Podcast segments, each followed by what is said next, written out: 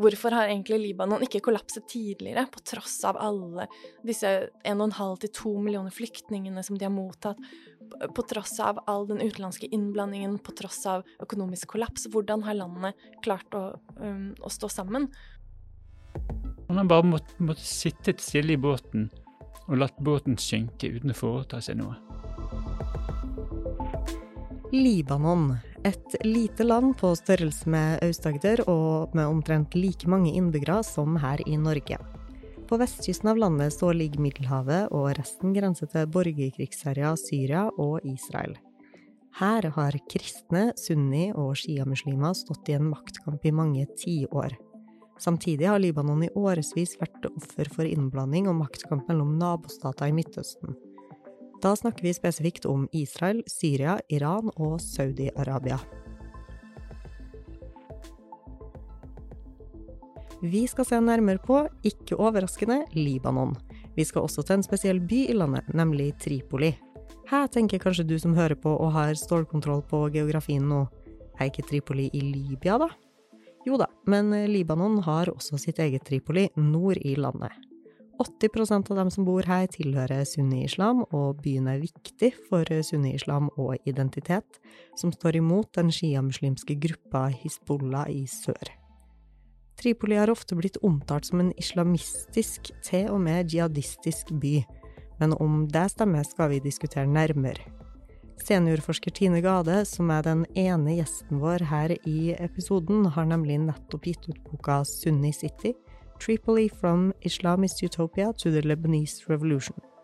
Vi har også med oss forsker 1, Kjetil Selvik, som kanskje er best kjent som Iran-ekspert om dagen, men som òg har jobba mye med Libanon. Mitt navn er Ane Teksum Isbrekken, og du hører på NUPI-podkasten Utenrikshospitalet. Så Kjetil, kan ikke du begynne med å fortelle oss litt om hvordan det står til i Libanon i dag? Libanon i dag befinner seg i en dyp krise med økonomisk kollaps og statssammenbrudd. Den økonomiske krisen er en av den verste som verden har sett siden 1850, ifølge Verdensbanken. Det libanesiske pundet har tapt rundt 95% av verdien sin. Drivstoffprisene gikk opp 2000% på ett år. Fattigdomstallene har skutt i været. Arbeidsledigheten er tredoblet, eh, og inflasjonen rammer de fattige og de sårbare mest. Så det blir en massiv hjerneflukt fra Libanon. De velutdannede slutter jobbene sine, søker ut. De libanesere flest sier at de ønsker seg ut. Og denne økonomiske krisen har jo blitt fulgt av et fullstendig sammenbrudd i staten selv om den libanesiske staten aldri var sterk, så er den nå i, i fritt fall. Staten har ikke lenger penger til å betale sine ansatte. Byråkrater kommer ikke lenger på jobb. De som dukker opp, rapporterer at det ikke, det ikke lenger finnes papir eller blekk eller penner eller konvolutter eller, eller, fungerende bad eller rennevann. De må gå opp i etasjene i mørket fordi det ikke finnes strøm. Og så er det at Libanon i tillegg da har et fravær av utøvende makt, ettersom regjeringen har trukket seg og presidentens periode er over. Så Stortinget har ikke engang kunnet vedta et budsjett for dette året. Så det er en stat som, som driver.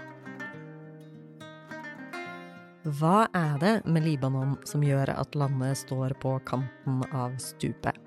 Det er ikke en ettpartistat, de har mer ytringsfrihet her enn i andre land i regionen, og det er mer politisk pluralisme. Så hvorfor går det likevel galt?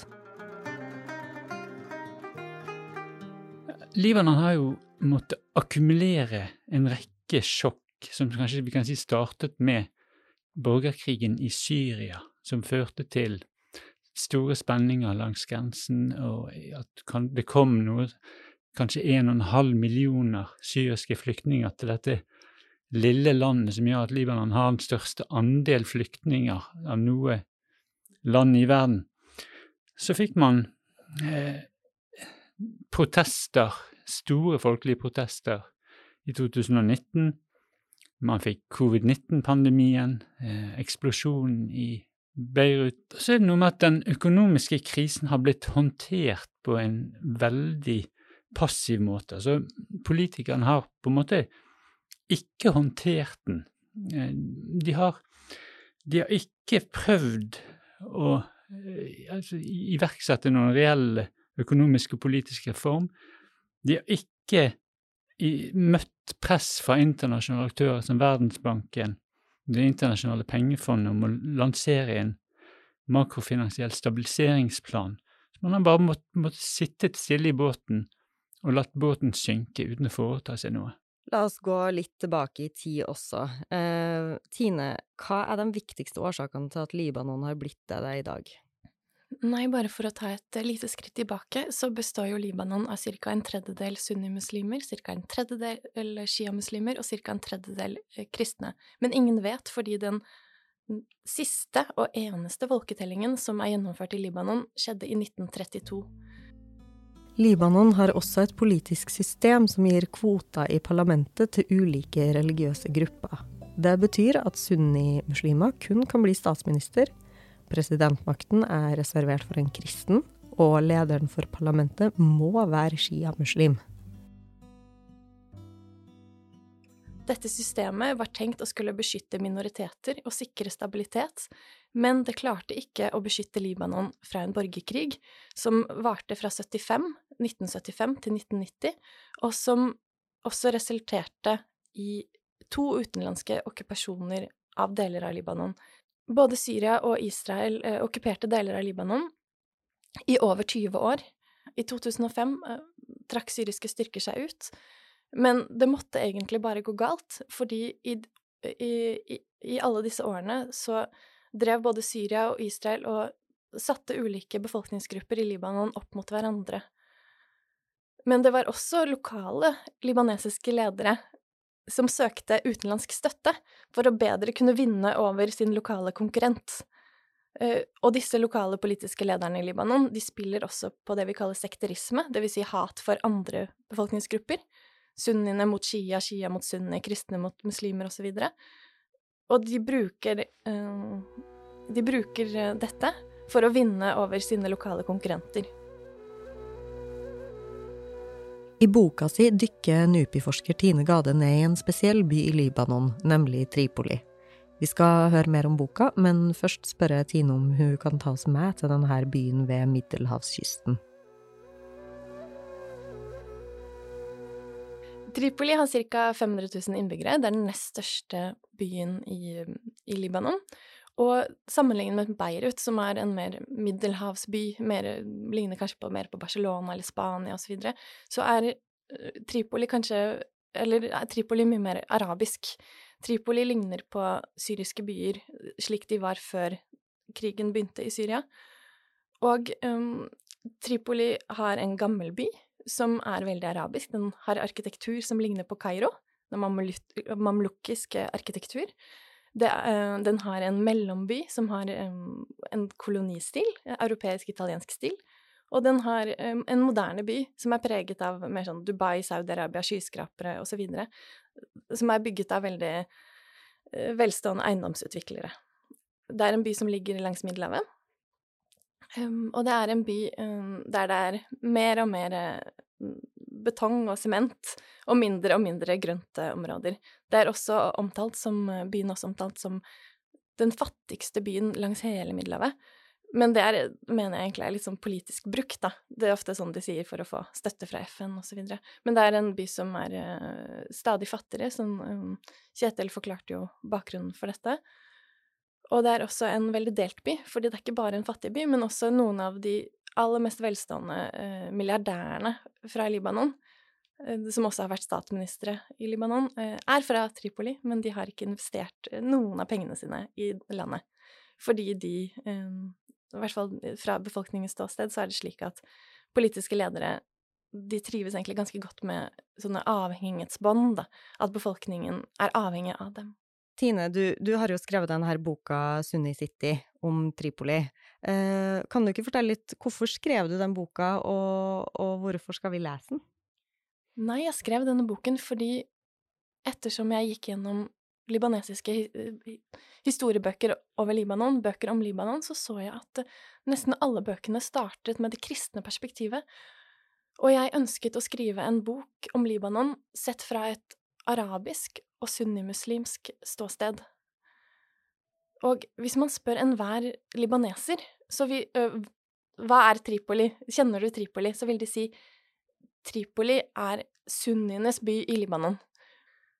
Det jeg ønsket å vise i boken min, var hvordan sunnimuslimene i Tripoli gikk fra å stå imot Libanon som en kunstig statsdannelse i 1920, en stat som var dannet av mandatherren Frankrike for å beskytte de kristne i Midtøsten, en stat som var dominert av kristne som uh, kontrollerte presidentmakten.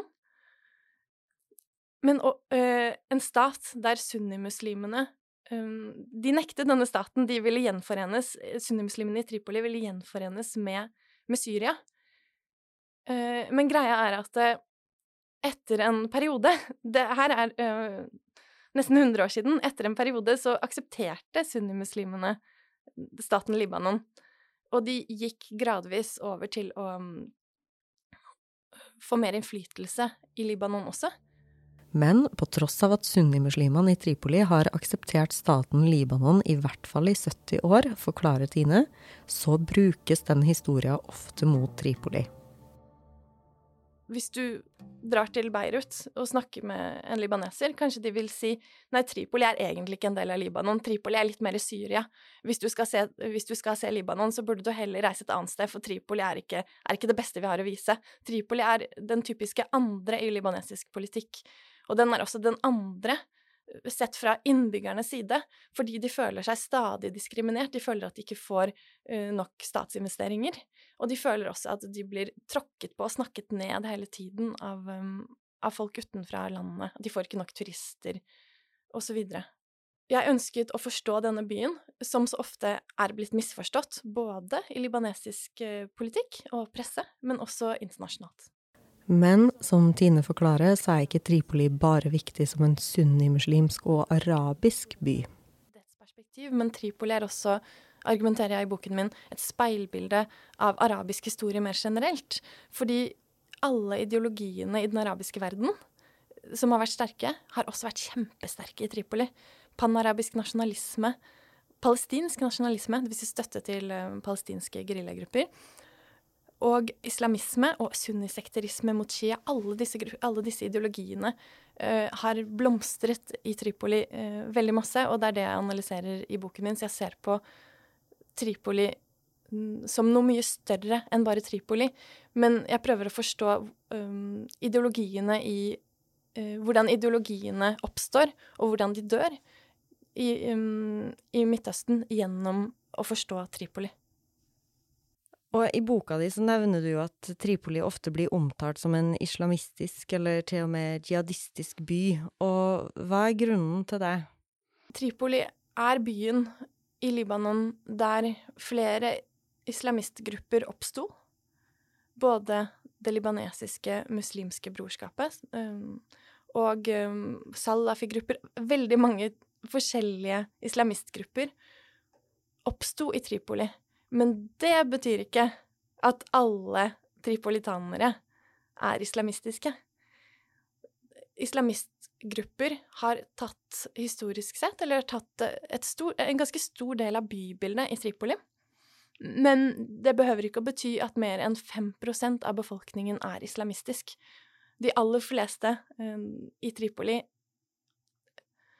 opplever islamistgruppenes innflytelse som veldig invaderende, og, um, og ønsker egentlig um, ikke at de skal få så mye makt. Men det jeg viser i boken min, er hvordan sekulære politiske ledere, hvordan vanlige um, politiske ledere som er sunnimuslimer, hvordan de egentlig bruker islamistgruppene politisk som et instrument for å øke sin egen politiske makt. Mm.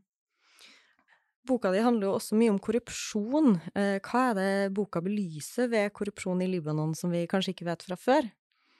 Nei, jeg vil si at eh, Tripoli er egentlig skrekkeksempelet på korrupsjon i Libanon, som allerede er eh, et av de verste landene i verden når det gjelder korrupsjon. Det er mye politisk avhengighet i Libanon. Det vil si at man stemmer ved valg ikke fordi man er overbevist om noe, men fordi man ønsker å få noe. Det kan være beskyttelse, penger, varer eller tjenester. Stemmer blir eh, kjøpt og betalt, rett og slett. Og um, det jeg egentlig viser i tillegg til dette, for dette er ting man visste fra før av, men det jeg syns har vært kjempeinteressant med, med, feltarbeidet mitt, var å se hvordan politiske ledere i, i Tripoli, som fremstår sånn utenfra som veldig respektable, utdannet osv., hvordan de egentlig styrer, kontrollerer ulike væpnede grupper, som de gir beskyttelse. Men, som Tine sier, de her ender ofte opp med ikke å bli arrestert. De blir beskytta fordi etterforskninga kan spore tilbake til de politiske lederne. Så det finnes ulike væpnede grupper som er langt på vei kriminelle, rekruttert av kriminelle nettverk, men som er veldig nyttige for politiske ledere. Fordi de kan hjelpe dem å, få stemmer, eller hjelpe dem å kjempe mot Hizbollah, for eksempel. Så korrupsjon eller det man kaller patron-klient-forhold også, det involverer ikke bare kjøp og salg av stemmer, eller at man stjeler fra statskassen. Det involverer også at man beskytter uh, kriminelle fra å bli straffe, straffeforfulgt fordi man selv bruker kriminelle i kampen uh, for stemmer i Libanon. Det høres ut som en slags mafiavirksomhet, egentlig. Ja, hvis man snakker med libanesiske uh, libanesere, så sier de at Libanon er en av de eneste statene i verden som faktisk er styrt av mafialedere. Ok, vi må zoome litt ut også. Uh, så Kjetil, jeg har lyst til å spørre deg. Uh, hvordan skiller Libanon seg fra andre land i Midtøsten? Libanon er jo kjennetegnet av en ekstrem pluralisme. Altså man har 18 offisielt anerkjente uh, religiøse konfesjoner. Men det er også en historisk vært en politisk pluralisme som har sammenheng med denne spesielle befolkningssammensetningen. Fordi at den gjorde at ingen enkeltgruppe var stor nok og mektig nok til å dominere alle de andre. Så det ble en slags maktbalanse mellom ulike grupper i Libanon. Det høres ut som en veldig god tanke, egentlig. At alle kan leve sammen i en slags fred og fordragelighet, alle disse 18. Det har hatt uh, sine fordeler, ja, men det har også hatt sine svakheter. Men du kan si at historisk så er Libanon som republikk hadde en helt annen utvikling enn alle andre arabiske republikker. Alle andre arabiske republikker gikk gjennom en veldig autoritær fase i 1950- og 60-årene, der man fikk sterke menn som eh, mobiliserte på arabisk nasjonalisme og mot kolonialisme, imperialisme, og sa vi må bygge landet, vi må utvikle økonomi og samfunn. Men det skjedde på en veldig autoritær måte. Man fikk ettpartistater, ingen ytringsfrihet. Eh, og den erfaringen har gjort førte de fleste arabiske republikker inn i autoritær, et autoritært spor som har vart i lang tid. Mens Libanon aldri havnet der. De var alltid mer åpent, ingen ettpartistat. Mer ytringsfrihet, mer politisk pluralisme med unntak av selvfølgelig perioden der de var under syrisk okkupasjon. Men ulempen for Libanon har vært at de har vært også hele tiden en svak stat. De fikk aldri en sterk, spesielt sterk stat. Og de ble åsted for eh, maktkamp mellom eh, disse sterke kreftene i regionen, regionale stormakter eller ideologiske bevegelser som kjempet om innflytelse. Og da gjennom, gjerne gjennom Libanon, som hadde den frieste pressen. sånn at man, det var Debattene for hele den arabiske verden skjedde da i Libanon, fordi der var det fritt nok. Så det var mye maktkamp. Men, men det gikk også på bekostning av Libanon, fordi at disse regionale stormaktene, enten det var Egypt eller Libya eller Iran, kjempet om innflytelse da i landet. Men kanskje et veldig dumt spørsmål, men hvorfor det? Hvorfor kunne de ikke bare la Libanon være i fred? Eh, Libanon eh, betydde eh, mye, for det, det ble sett på som en slags ledestjerne. Det, var liksom der, der debatten var friest. som sagt. Hvis du vant ordskiftet i Libanon, så hadde du også posisjonert deg litt for hele den arabiske verden.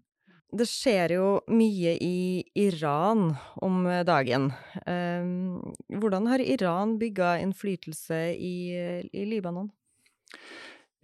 Iran har jo sin sterke relasjon til Hizbollah, som er Iran ser på som sin garanti, eh, som en del av sin avskrekkingsstrategi mot Israel. Så i tilfelle eh, som skal øke kostnaden for Israel ved å angripe Iran, fordi at da kan Hizbollah svare mot eh, Israel. Men Iran har bygget denne relasjonen til Hizbollah på et ganske solid fundament, som har vært en felles felles mål om å yte motstand mot Israel og USA, men også en felles ideologisk plattform knyttet til betydningen av islam og, og politikk.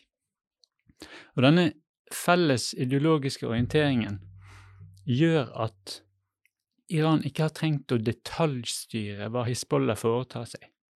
De har kunnet la Hizbollah være Hizbollah, ikke intervenere i ett og alt, Eh, og bygget en langsiktig strategisk relasjon, i sterk motsetning til hvordan Saudi-Arabia har forholdt seg til sine klienter, altså sine mottakere av, av saudi-arabisk støtte i, i, landet. Fordi at det har vært mye mindre langsiktig, mye mindre tillitsbasert, mye mindre strategisk.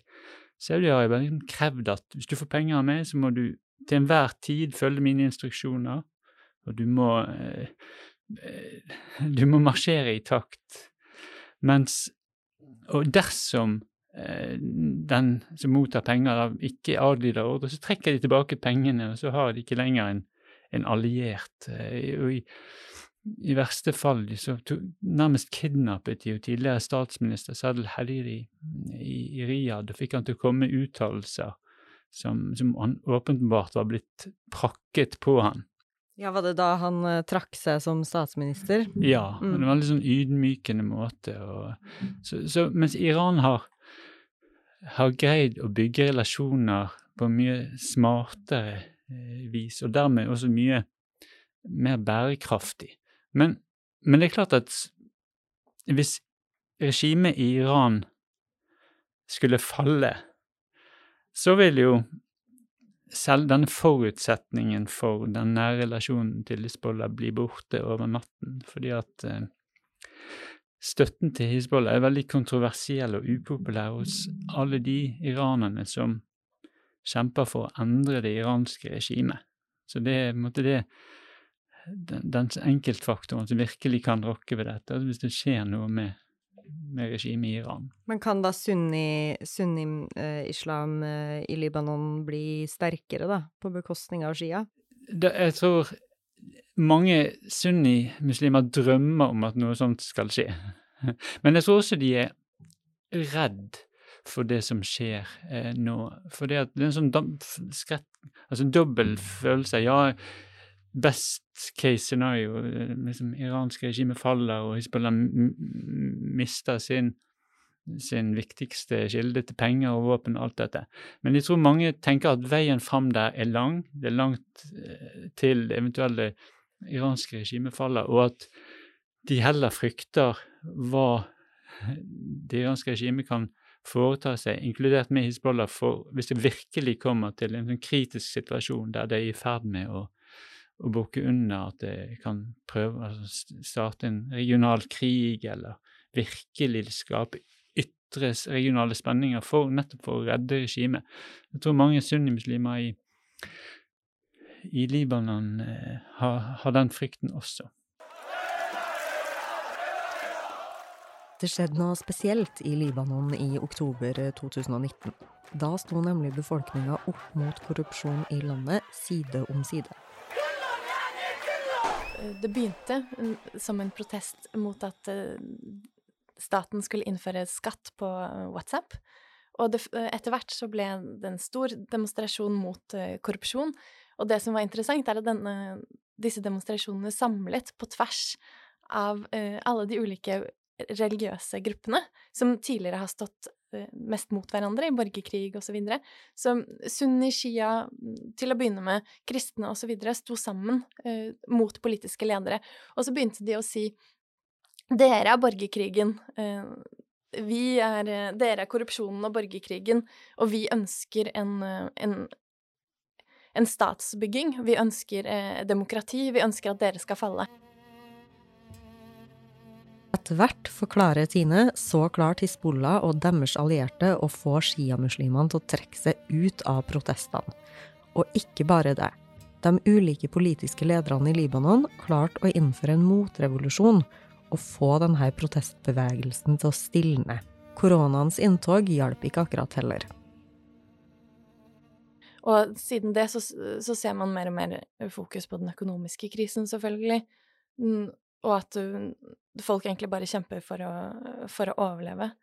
I Tripoli, som er Libanons fattigste by, så er det siden 2020 så har det vært ganske mange båter, egentlig, sånn med irregulære flyktninger, med folk som er egentlig villige til å, ofre alt, da, for å, å krysse Middelhavet.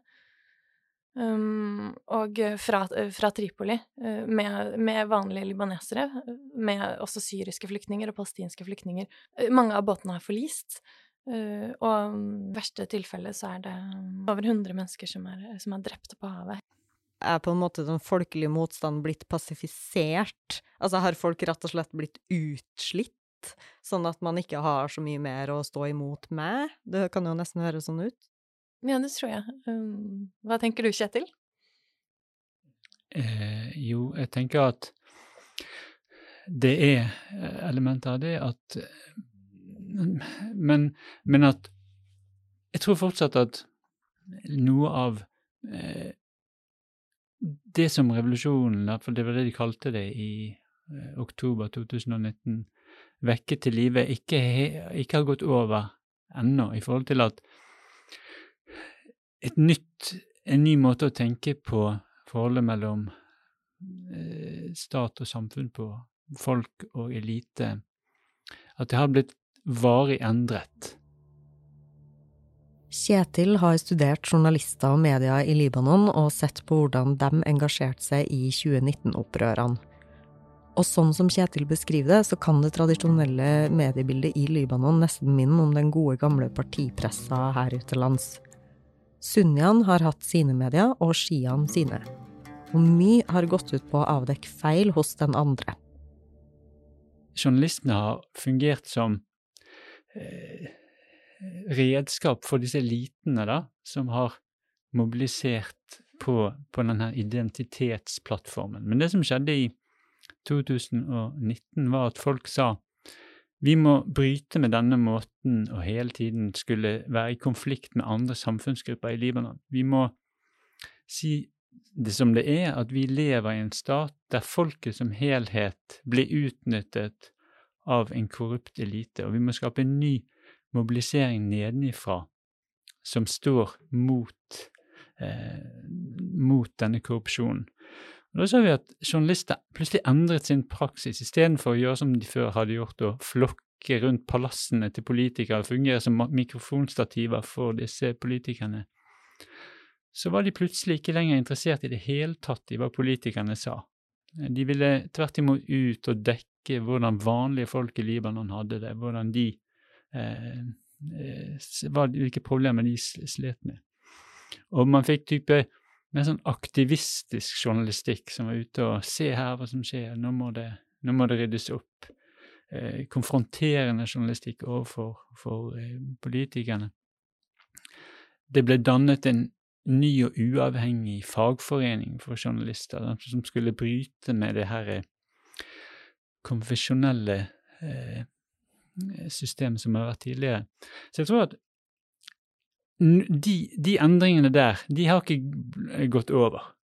Men de sliter selvfølgelig De som kjemper for en, en annen måte å tenke Libanon på, de slites jo veldig mot denne eh, økonomiske utmagringen som pågår nå.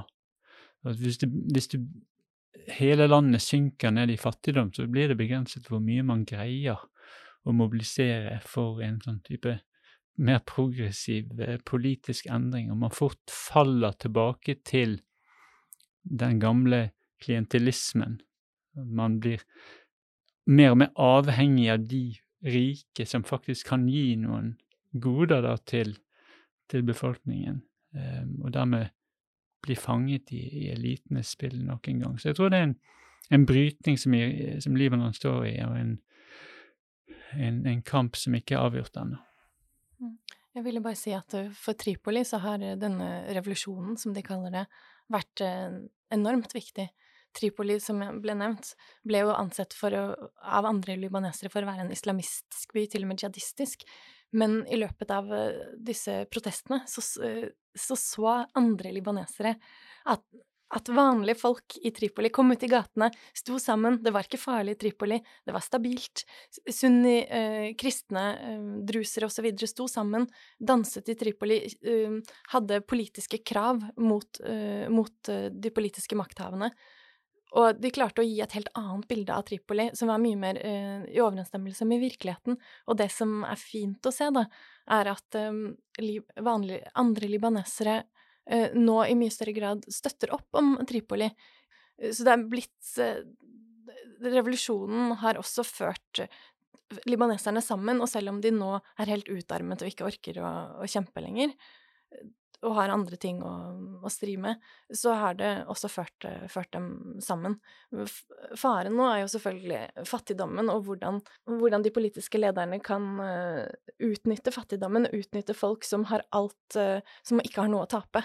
Eh, og hvordan det kan føre til eventuelt nye konflikter. Det er jo ett spørsmål som tvinger seg fram her, og det er på en måte hva blir konsekvensen hvis alt kollapser i korte trekk, både for selvfølgelig landet, men også for regionen? Vi har jo sett uh, i kjølvannet av den arabiske våren, så har det jo blitt ganske mye ustabilitet i andre land, for eksempel, i regionen. Så, så hva, hva er på en måte worst case scenario hvis Libanon eh, bare rakner, da. Dette er jo veldig, veldig alvorlig for Europa, og det er jo derfor Norge er en stor bidragsyter eh, til Libanon gjennom FN, eh, og støtter opp om de syriske flyktningene, gir masse støtte til de syriske flyktningene, mm, og også anser Libanon for å være viktig for stabiliteten i regionen. Vi må ikke glemme nabolandene til, til Libanon, både Syria og Irak og hvordan eksempel krigen eh, og ustabiliteten i Syria førte til, eh, um, til at Al Qaida i Irak um, gjenoppsto som IS i, eh, i Irak i, um, i 2013-2014. Så selvfølgelig, ustabilitet i ett et land kan føre til ha fatale konsekvenser, og det er jo folk klar over. I Utenrikshospitalet så bør vi jo forsøke å sette en diagnose. Eh, så hva slags diagnose vil dere sette på Libanon? Er pasienten syk eller frisk? Alvorlig syk eller litt syk? Ganske alvorlig syk nå, det må jeg si, men heldigvis ikke døende. Libanon har jo klart seg mot alle odds eh, mange ganger. De har, eh, de har stått gjennom en borgerkrig. De, man kan i lang tid har man egentlig sagt, kunnet si hvorfor har egentlig Libanon ikke kollapset tidligere, på tross av alle disse 1,5 til 2 millioner flyktningene som de har mottatt, på tross av all den utenlandske innblandingen, på tross av økonomisk kollaps. Hvordan har landet klart å, um, å stå sammen? Og da må vi jo også se på um, hvordan folk flest da, er, har vent seg veldig til at det er ustabilitet, og hvordan de klarer å navigere i kaos. Og, um, og ustabilitet. Da skal vi runde av denne episoden. Tusen takk til Tine og Kjetil, som har gjort oss alle ganske mye klokere, og tusen takk til deg som lytter til. Vil du høre mer fra oss, så anbefaler jeg å søke opp Utenrikshospitalet der du hører podkast, og sjekk også ut våre andre to podkaster, The World Stage og Hvor hender det? Vi høres!